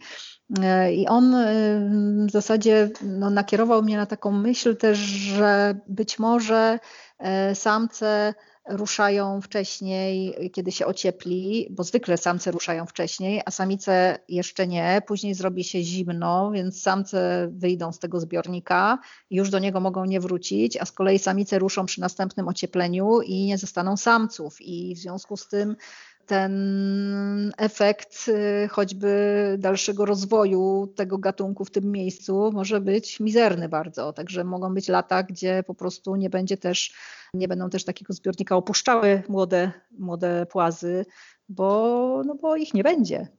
Też tak, tak może być. Tak, to prawda. To Marny scenariusz. Wahaniami, tak, tak może A, No ja też podejmę próbę. Może nawet dzisiaj jeszcze mi się uda po południu zajrzeć w kilka miejsc w Dolinie Neru, gdzie, gdzie potencjalnie być może coś się uda zobaczyć. Jutro też pewnie podejmę, podejmę próbę. Ada, bardzo Ci dziękuję, że zechciałaś podzielić się tutaj swoimi doświadczeniami, swoją wiedzą w tej materii. Może idąc za, za ciosem, od razu na antenie cię wypuszczę i dasz się zaprosić jeszcze raz i pogadamy wtedy o jaszczurkach, możemy pogadać o zaskrońcach, może o żmijach. Zwierzaki ciepłolubne, więc będzie na to czas, bo, bo potem w zasadzie one są z nami przez cały sezon letni. Oczywiście no, tak jak i płazy, tyle tylko, że mówimy o tym, kiedy ta aktywność po prostu wzrasta, mhm. więc może, może jeszcze kiedyś e, naciągnę cię na taką e, rozmowę w podobnej w podobnej materii. Bardzo Ci dziękuję.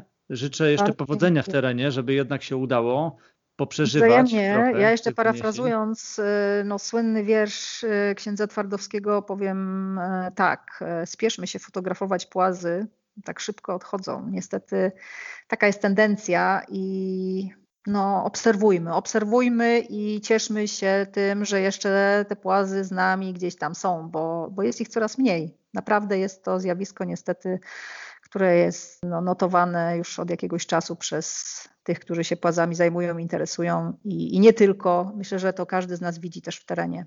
A jak już, się, jak już się uda trafić, to też pamiętajmy, żeby ten e, entuzjazm e, i, i, i taka frajda też e, no, nie przesłoniła nam gdzieś tak tego, tego zdrowego rozsądku i pamiętajmy o tym, że jeżeli trzeba ten krok w tył, to go po prostu róbmy. Mhm, dokładnie tak. Wielkie dzięki. Bardzo. bardzo Ci dziękuję. Dzięki.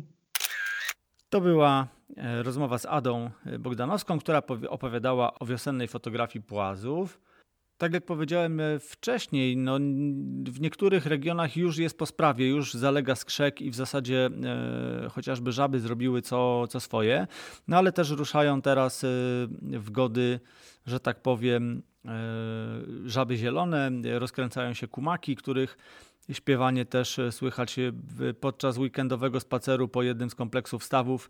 Naprawdę ten, e, to, to, to kumanie kumaków, kumkanie kumaków towarzyszyło nam wzdłuż kilku grobli. Tam, gdzie, gdzie trochę płytsza woda, to w zasadzie one się odzywały.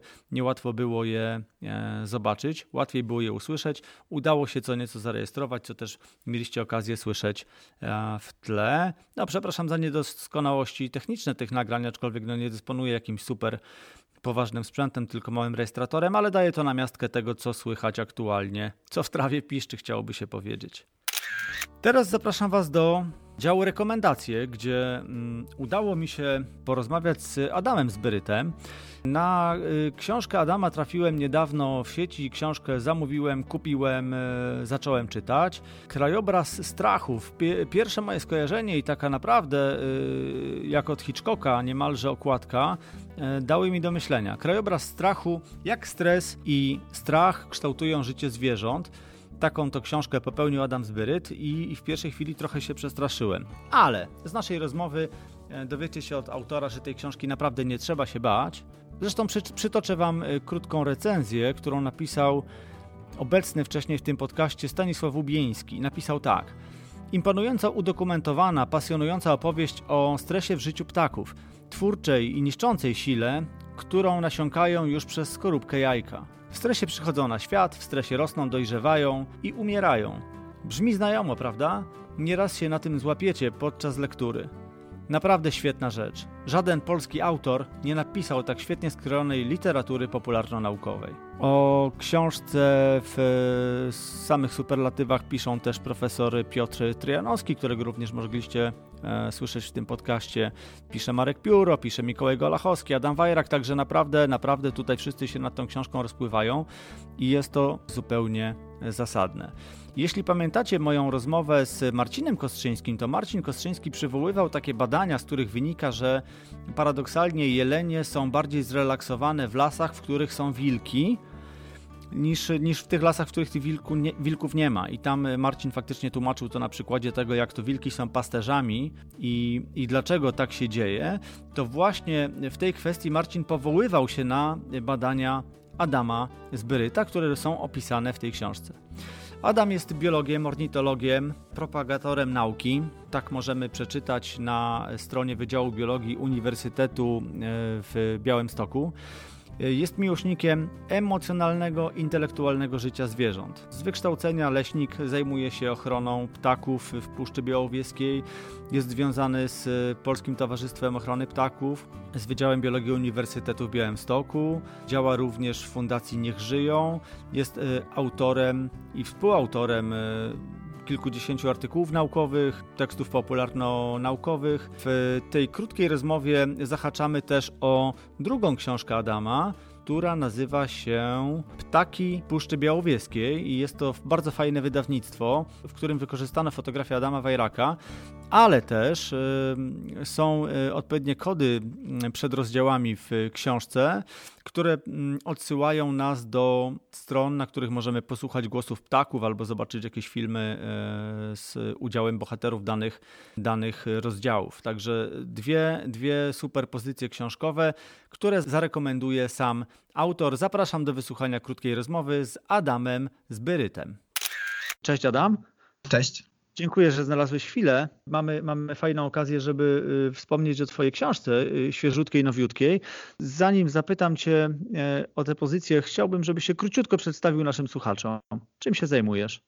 Na co dzień pracuję w Polskim Towarzystwie Ochrony Ptaków e, i na Wydziale Biologii e, Uniwersytetu w Białymstoku, ponieważ e, z pasji jestem ochroniarzem przyrody. Zajmuję się czynną ochroną przyrody, zwłaszcza ptaków, ale, ale moje, druga moja taka druga wielka pasja to jest, to jest nauka i, i badanie, rozwiązywanie różnych problemów związanych z ochroną przyrody, które można, które można wdrażać w praktyce. Świeżutka, cieplutka pozycja na naszym rynku wydawniczym to y, wydana przez y, marginesy y, książka Krajobraz strachu, jak stres i strach kształtują życie zwierząt. Książka jest opatrzona okładką w stylu, powiedziałbym, Hitchcocka. Chyba nie będzie to nadużycie. Nie, nie. Wiesz, e, taka, taki, taki miał być e, zamysł. Taka mia, taki miał być zamysł. Właśnie o to miałem zapytać, bo e, ten pierwszy impuls był taki, że okładka jakby po, pogłębiła odrobinę mój niepokój związany z samym tytułem. Zacznijmy od tego, że żebyś powiedział, dlaczego tej książki nie trzeba się bać. Nie trzeba się jej bać, a to dlatego, że mm, bardzo mocno, przynajmniej mam taką nadzieję i taki był mój zamysł, pozwoli ona nam na spojrzenie na ptaki, na zwierzęta e, ze znacznie szerszej perspektywy. Ona nie jest straszna. Myślę, że jest ciekawa. Taki, e, taki mi przyświecał cel, kiedy ją pisałem. E, oczywiście, tak jak mówisz, tytuł miał przykuwać uwagę, okładka również. Znaczy, aczkolwiek jest, nie jest to wręcz pewnego rodzaju prowokacja chyba, nie? Bo, bo, bo wydaje mi się, że, że no w sensie tego przyciągnięcia uwagi, bo wiesz, no to skojarzenie jest takie, że dzisiaj przyrodę lejemy, dostaje ona po tyłku z każdej strony i, i przez ułamek sekundy sobie myślisz, tutaj jeszcze po prostu się za chwilę dowiem, jak, jaka, jaka masakra znowu z tym strachem u zwierząt, nie? jak on kształtuje ich życie, ale zaraz, zaraz, tu szybciutko się orientujesz, że wiesz, że ten strach napędza y, w życiu y, zwierząt y, również pozytywną stronę, także kontynuuj. Przepraszam, że tak wjechałem, ale to jeszcze tak a propos tego strachu z okładki i z, i z założenia. Nie, jasne. E, to jest tak, że mm, trochę e, jest on e, takim celowym zabiegiem, który, na który wpadłem pisząc tę książkę, że brzmi trochę jak e, tytuł kryminału, jakiejś książki grozy, thrillera, ale tak naprawdę to pojęcie krajobrazu strachu wywodzi się wprost z nauk ekologicznych. Także pojęcie sformułowanie krajobraz strachu. To nie jest coś wymyślone na potrzeby tej książki, ale, mm, ale coś, co funkcjonuje w naukach biologicznych. I krajobraz strachu, e, zjawisko to mm, stosuje się w, w, badaniach naukowych, pojawia się w wielu publikacjach, co zresztą wyjaśniam e, w trzecim rozdziale mojej książki. I, I tak, e, ta druga część tego tytułu, e, czyli jak stres i strach kształtują życie zwierząt. Otóż, otóż stres, książka dotyczy w dużej mierze, większej mierze stresu, który jest niezwykle ważny. Ma ogromną funkcję taką przystosowawczą, sprawiającą, że żyjemy, że się rozwijamy, że cokolwiek robimy. I bardzo w większości przypadków pozytywną, motywującą nas do, do podejmowania różnego rodzaju rozwiązań życiowych, e, problemów życiowych, które się, które się nam przytrafiają. I dalej strach. Strach, który się pojawia w wielu aspektach naszego życia i, i, i zwierząt.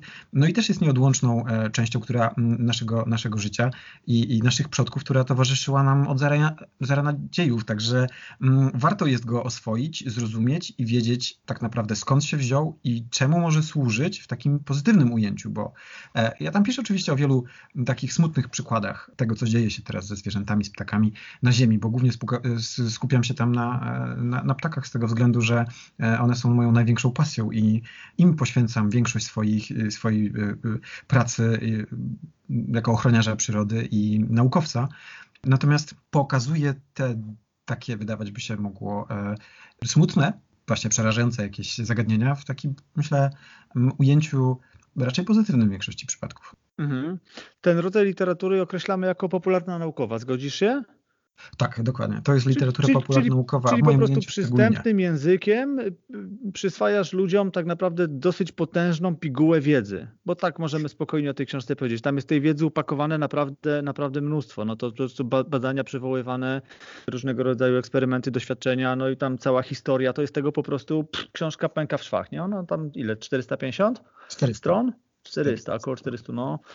Inaczej zapytam, dla kogo ona jest w takim razie? No bo skoro jest napisana takim e, przystępnym językiem, to zakładam, że to nie jest pozycja dla naukowców. Tak. Inaczej, nie, nie tylko dla naukowców, może nie tak? Nie, no właśnie. nie tylko, nie tylko dla naukowców. Znaczy moim głównym e, jakby celem, e, grupą docelową którą wyobrażałem sobie pisząc tę książkę, to byli po prostu zwykli ludzie. Ludzie, którzy interesują się przyrodą, chcieliby zwiększyć swoją wiedzę, zrozumienie świata przyrodniczego, bo tak jak powiedziałeś, ta książka bazuje na wielu, wielu, wielu dziesiątkach, setkach przykładów e, zachowania, wpływu, oddział, oddziaływania strachu na ich życie, na różne aspekty życia, żerowanie, rozmnażanie, e, wędrówki itd., tak itd. Tak Czyli tego, jest tego bardzo, bardzo dużo, co pozwoli nam pokazać, jak ten e, świat jest niesamowicie złożony, skomplikowany i jak bardzo jeszcze wielu rzeczy nie rozumiemy, ile jeszcze musimy poznać żeby go zrozumieć, a żeby go poznać, musimy go lepiej chronić, e, aby go, e, aby go zachować, e, po to, żeby go właśnie lepiej zrozumieć,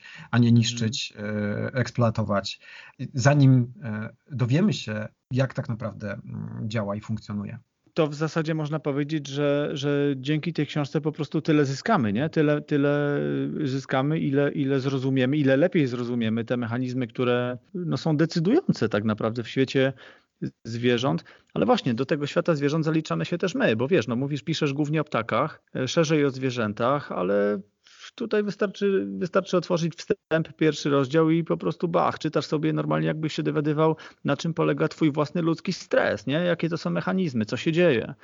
Zgadza się.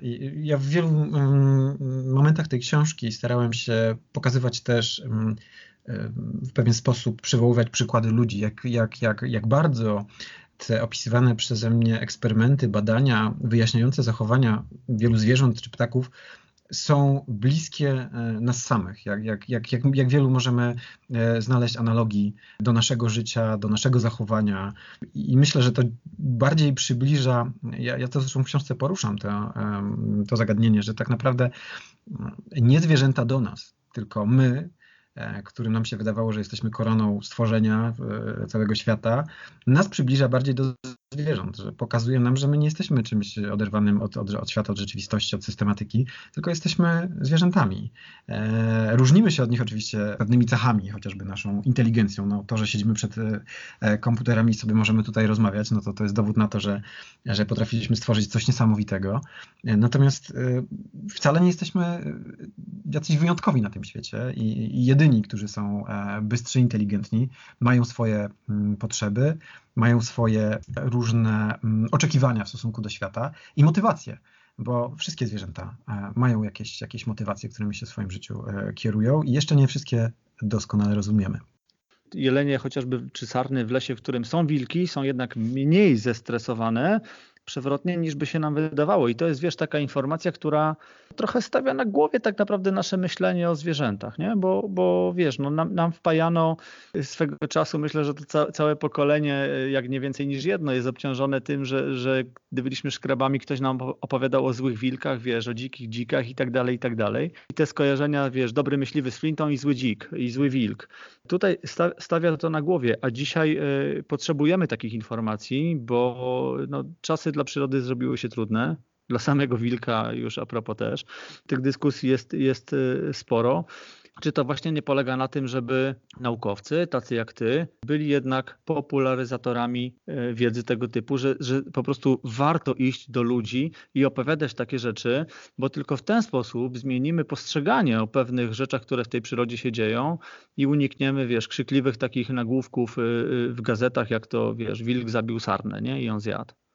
Zgadza się. To czy ja chciałem ci jeszcze tylko e, dodać, że e, to są moje badania, które prowadziłem. To są twoje badania i jest to w książce y, opisane oczywiście. Tak, tak, tak. No tu mój taki skrót, skrót myślowy. Prowadziłem je razem z, z e, naukowcami z Instytutu Biologii Sseków Polskiej Akademii Nauk w Białowieży.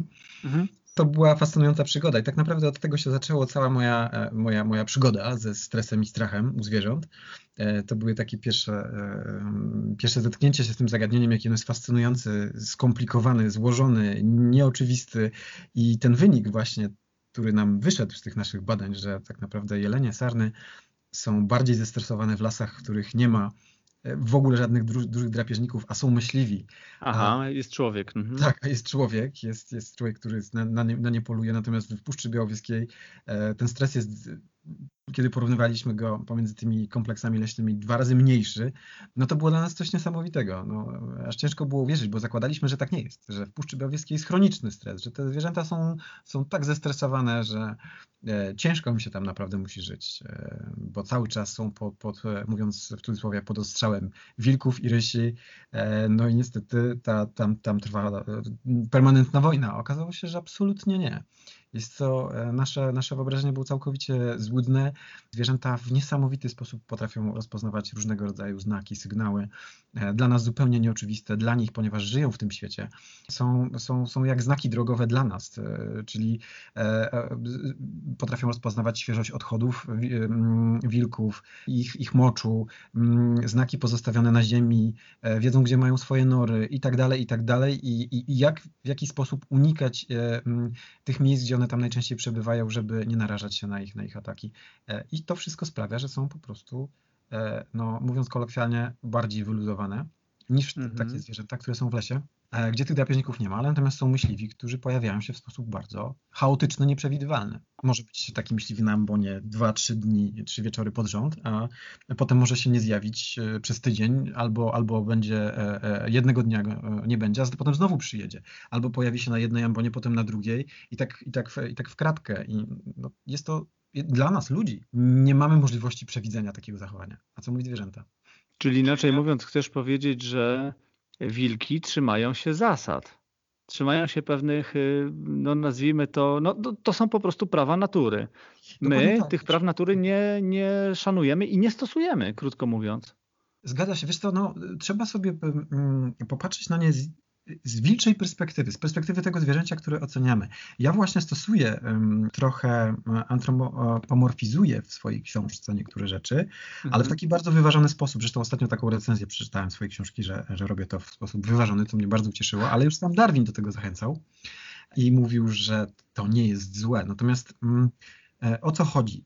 Chodzi o to, żebyśmy przyjmowali perspektywę nie człowieka i starali się wciskać na siłę jego zachowanie i przyrównywać do naszego, ale przyjmować, starać się chociaż trochę perspektywę tego zwierzęcia.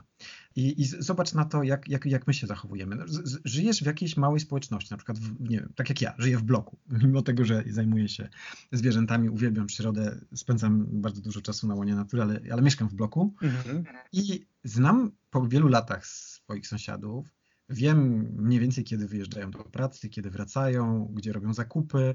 Rozumiesz? Poznaję pewne schematy. Tak jest. I jestem w stanie pewne rzeczy przewidywać. Mimo, że się w ogóle na tym nie skupiam, bo nie jestem wścibski. Ale niektórzy ludzie wiem, że są i jeszcze bardziej e, na pewno wiedzą nawet, co jedzą i tak dalej, i tak dalej. Jasne, no wiem o co chodzi. Jakim samochodem jeżdżą, dokładnie e, co ile lat go wymieniają i tak dalej. Więc zwierzęta działają w podobny sposób. One są cały czas w tym świecie, cały czas zanurzone w tym swoim środowisku i muszą je znać na 100%. My już nawet nie musimy, bo nie mamy wokół nas, nie ma żadnych zagrożeń. To, to że e, nie wiem albo wiem, kiedy sąsiad czy sąsiadka wyjeżdża do pracy, to, to nic nie zmienia, ale w ich świecie to jest czasami być albo nie być. Kwestia życia albo śmierci. Więc one te informacje doskonale gromadzą, rozpoznają. Nawet o tych drapieżnikach, a one są w ich świecie przez cały czas. Natomiast taki człowiek zjawia się niespodziewanie i, i to jest właśnie ten problem, którego nie są w stanie rozwiązać albo zrozumieć. A słuchaj, zgodzisz się ze mną, czy, czy jest tak, że nasza przyroda dzisiaj potrzebuje również tego wsparcia właśnie w postaci mm, naukowców, którzy wychodzą do ludu i opowiadają w tak przystępny sposób, wręcz y, czasami, wiesz, gawędzą, nie? Snują takie fajne opowieści o tym, żebyśmy, żebyśmy po prostu przestawili swoje myślenie, bo tutaj jakiś stary, stary taki sposób myślenia trzeba po prostu wywalić i już odłożyć i schować, a zacząć, zacząć myśleć zupełnie innymi kategoriami. Y, tak, wiesz, zauważam to i na szczęście dzieje się coraz lepiej.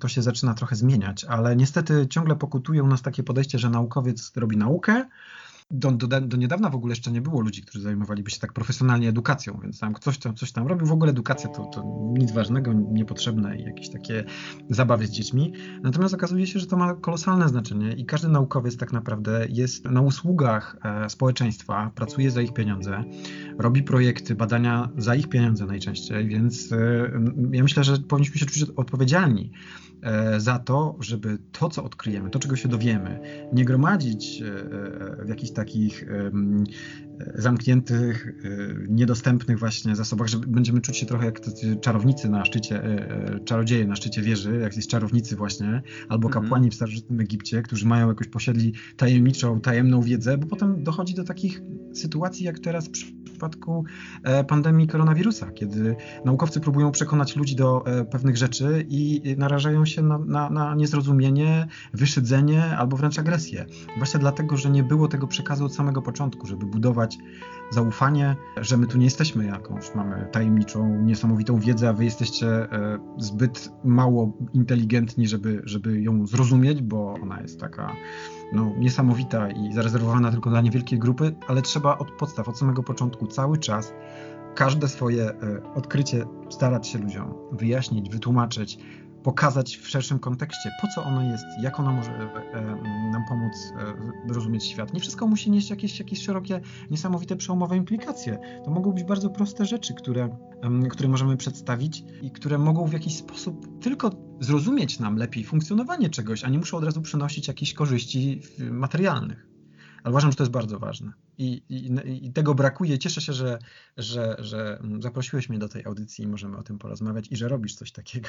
Wiesz co, myślę, że w ogóle bardzo ważna jest też e, forma i o tym, w jaki sposób właśnie naukowcy mogą się te, e, tą wiedzą dzielić, bo myślę sobie tak, że dzisiaj e, no w ogóle jest trudny moment, bo tak jak mówiłem, przyroda dostaje, dostaje w tyłek. Ja tutaj nie chcę absolutnie jakoś dotykać tematów polityki, wiesz, wielkich pieniędzy, biznesów i, i, i całej tej strony, ciemnej strony mocy. Natomiast y, dzisiaj społeczeństwo nasze też jest bardzo podzielone i wiesz, no ludzie tak, tak działają, że jeżeli w programie informacyjnym w telewizji pojawia się y, człowiek, który jest podpisany profesor, to wydaje mi się, że no i to zrobiły też media społecznościowe, czyli po prostu upadek taki, wiesz, autorytetów i, i działa to tak, że mm, ludzie sobie myślą, ok, ale to już ten, to jest na pewno taki też trochę polityk ten naukowiec, to jest, to jest ich polityk, której strony, te, też za tym stoi jakiś interes.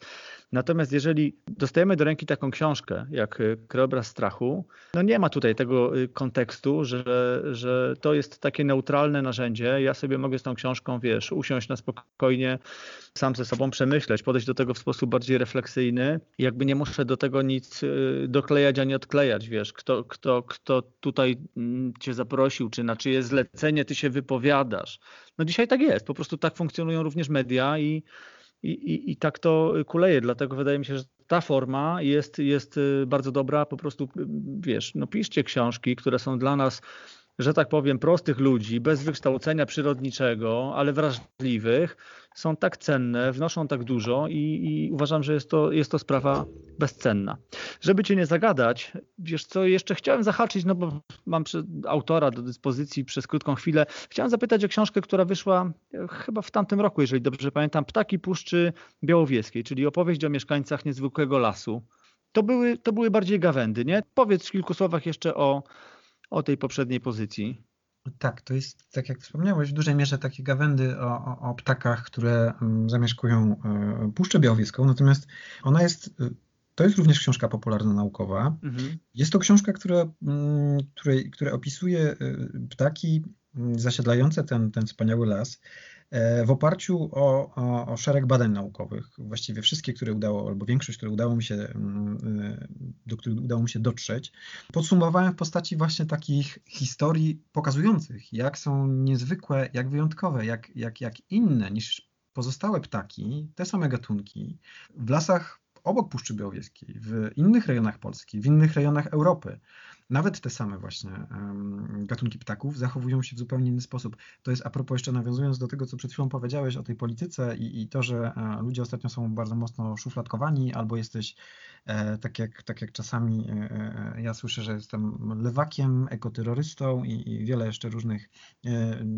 dziwnych, niemiłych przy, przymiotników, które mm, staram się staram się na nie nie zwracać uwagi, bo, bo staram się być szczery w tym, co robię mm, i, i opierać się na rzetelnej wiedzy naukowej, a, a nie na jakichś e, emocjach, czy kogoś lubię, czy nie lubię. Ptaki w Puszczy Białowieskiej, wbrew pozorom, pomimo tego, co się wszystkie, co, co, co się dzieje i co staramy się robić z tym lasem, zachowują się w niezwykle konserwatywny sposób. I myślę, że gdyby, mm, gdyby politycy przeczytali moją książkę, to dużo mogliby się dowiedzieć ciekawych rzeczy o tym lesie. i może zmienić trochę swoje postrzeganie i podejście do tego, do tego niezwykłego e, miejsca przez pryzmat chociażby tych, e, tej grupy zwierząt, bo tak naprawdę, no wiadomo, puszcza jest wyjątkowa, mamy tam ogromne zasoby przyrodnicze, nie tylko ptaków, no ale ptaki są jednymi z najlepiej przebadanych, to, a jak e, wcześniej już mówiłem, to jest moja ulubiona grupa zwierząt, stąd też się głównie na nich skupiałem. Także myślę, że ta książka jest o tyle, na pewno jest łatwiejsza niż w czytaniu, niż Krajobraz Strachu, ale już... Właśnie, to właśnie chciałem powiedzieć, tak. I, jest dla wszystkich, dla dużych i małych, nie? Dokładnie tak. No właśnie tą książkę mogą czytać nawet, e, nawet dzieci, może nie jakieś najmłodsze, ale, ale, ale, ale czemu nie? Mogą przeglądać ją, bo tam są e, QR-kody, które odsyłają nas do głosów. Możemy sobie posłuchać głosów każdego ptaka. Są, są piękne zdjęcia Adama Wajraka, każdego gatunku. Środowiskowe, e, korespondujące z tekstem, bo wybierając je do, tego, do, do tej książki starałem się kiedy poprosiłem Adama o, o, o zdjęcia do, do, zilustrowania tej książki, właśnie e, udało mi się dobrać też takie, które, które fajnie wpisywały się w, e, w historie, które tam, które tam opisuję, bo, bo e, z Puszczą jestem dosyć długo już związany. E, sporo tam czasu spędzam, staram się przynajmniej, e, przynajmniej do niedawna jeszcze, e, jak miałem więcej czasu, to tam często zaglądałem. Także miałem teraz sporo swoich też obserwacji różnych, i różnych historii, które chciałem tam zawrzeć i się, i się z nimi, z czytelnikami podzielić. Ale y, żeby tak nie straszyć ludzi też, czytelników, y, że ten krajobraz strachu jest taki straszny, y, jeżeli chodzi o, o, że nie jest ciężki. No nie, nie, nie, to też jest książka, którą starałem się pisać w sposób bardzo przystępny. Obie książki pomagała mi redagować jedna osoba, która zupełnie nie jest, e, to był mój zamysł. Tak specjalnie wiedziałem o tym, że jak chcę napisać książkę do ludzi, takich zwykłych, którzy nie mają za dużo do czynienia z przyrodą albo tą przyrodą się prawie w ogóle nie interesują, ale lubią sobie coś takiego, coś takiego przeczytać, to wiedziałem, że to chcę, chcę mieć redaktora. To była moja szwagierka, która jest profesjonalnym redaktorem, nazywa się Helena Piecuch e, i nie interesuje się przyrodą, mhm. ale jest świetna w tym, co robi. I wiedziałem, że jak ona będzie tę książkę redagować, będzie e, i wychwycić miejsca, e, takie momenty, które są nierówne albo które są niezrozumiałe dla niej, czyli dla ludzi, którzy e, nie są przyrodnikami. I to było dla mnie bardzo ważne, żeby właśnie skupiać się, żeby nie było takich niedopowiedzeń, takich rzeczy, a żeby ktoś czytał, a potem powie, aha, oni wiedzą, albo on wie, albo jego koledzy będą wiedzieli, jak to, jak to czyta, e, będą czytali, ale no ja tu się czuję tak jak gorszy ktoś, ktoś, kto nie ma takiej wiedzy, bo ja tego nie wiem. A to jest takie dla nich oczywiste. Żeby nie czuł się tak, e, taki e, urażony, nie chciałem właśnie doprowadzić do czegoś takiego, żeby ktoś czuł, czytając tę książkę, że e, ona nie jest dla niego, że jest, e, mówiąc nieładnie, za głupi na to, żeby ją zrozumieć i tak dalej. I myślę, że to dzięki, dzięki temu zabiegowi, dzięki Helenie właśnie się udało, żeby ta książka była dla każdego. Super. Wiesz co, ja, ja też nie chcę od Ciebie wyciągać jakichś szczegółów, żebyśmy, żebyśmy tutaj cokolwiek zdradzali. Sam jestem w trakcie czytania książki, ale żeby właśnie rozładować ewentualny niepokój, który słuchacze mogliby mieć, to y, powiem Wam, drodzy słuchacze, że naprawdę w tej książce nie brakuje takich, takich momentów, kiedy to nie, nie, nie, nie czytacie po prostu jakichś twardych danych naukowych, tylko nie dość, że czytacie przystępny i zrozumiały język, to, to są akcenty no, wręcz takie, które wywołują uśmiechy na twarzach. To zapytam Cię jedną rzecz. Czy na przykład lisy czy borsuki lubią audiobooki? Tak, to też jest e, mm, aspekt, który poruszam w swojej książce. Nie, nie lubią, nie lubią drapieżniki, e, szczególnie ssaki. O, o tym wiemy już z badań. E, borsuki nie lubią audiobooków. Czy, czy, czy to chodzi konkretnie o Marka Kondrata? E, tak, e, nie lubią słuchać złego e, Tyrmanda w, w interpretacji Konrada. Tak, chodzi o nasze głosy. To już mówiliśmy też na początku, trochę rozmawialiśmy o tym temacie drapieżnictwa i, i wpływu człowieka. Ja też to poruszam dosyć często, że zwierzęta postrzegają nas ludzi trochę inaczej niż inne drapieżniki, nawet te szczytowe, a zwłaszcza te szczytowe drapieżniki, czyli te na końcu łańcucha pokarmowego, czyli te, które zjadają wszystkie pozostałe, traktują nas jako, jako takiego super drapieżnika. No, jesteśmy niezwykle skuteczni w tym, co robimy właśnie w eliminacji innych gatunków i, i, i niestety ta wiedza wśród, wśród zwierząt jest e, dosyć e, dobrze poznana i, i przekazywana, więc e, no to jest taki smutniejszy element tej książki, ale na szczęście wśród tych oczywiście, wśród ludzi są, są różni ludzie na, i, i, i zwierzęta, tak jak wspominaliśmy, te jelenie i myśliwi reagują trochę inaczej na myśliwych, inaczej na turystów, także tutaj też możemy doszukać się jednak, że są mniej i bardziej straszni ludzie. W tym kontekście chodziło po prostu o to, że zwierzęta boją się nas i naszego głosu i czasami zamiast stawiać drutów kolczastych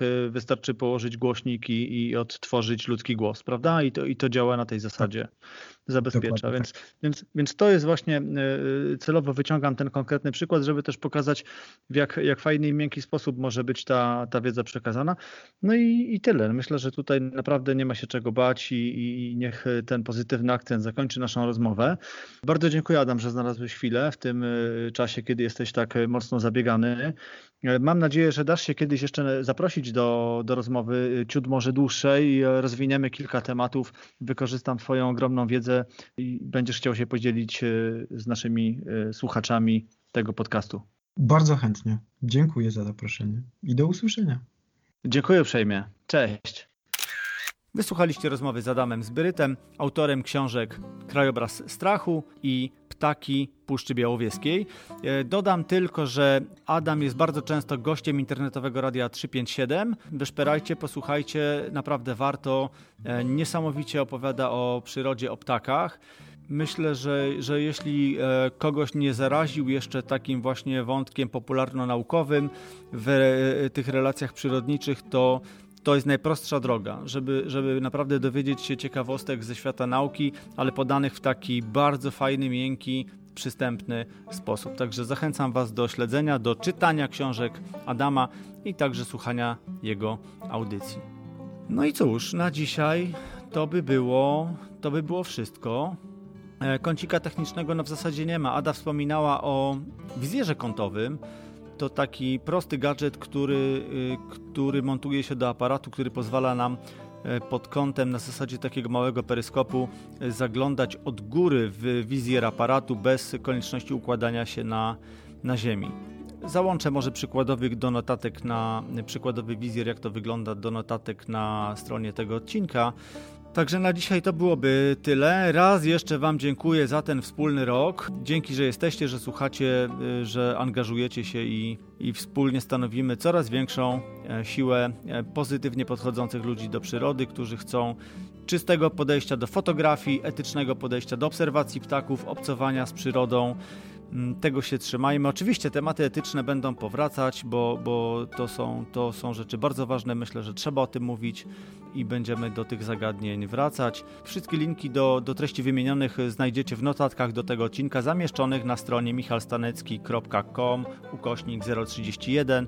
Jak zawsze zachęcam Was do pisania komentarzy, w których możecie odnieść się do treści poszczególnych odcinków, zadawać pytania, podsuwać pomysły na kolejne tematy, po prostu wyrażać swoje opinie na temat tego podcastu.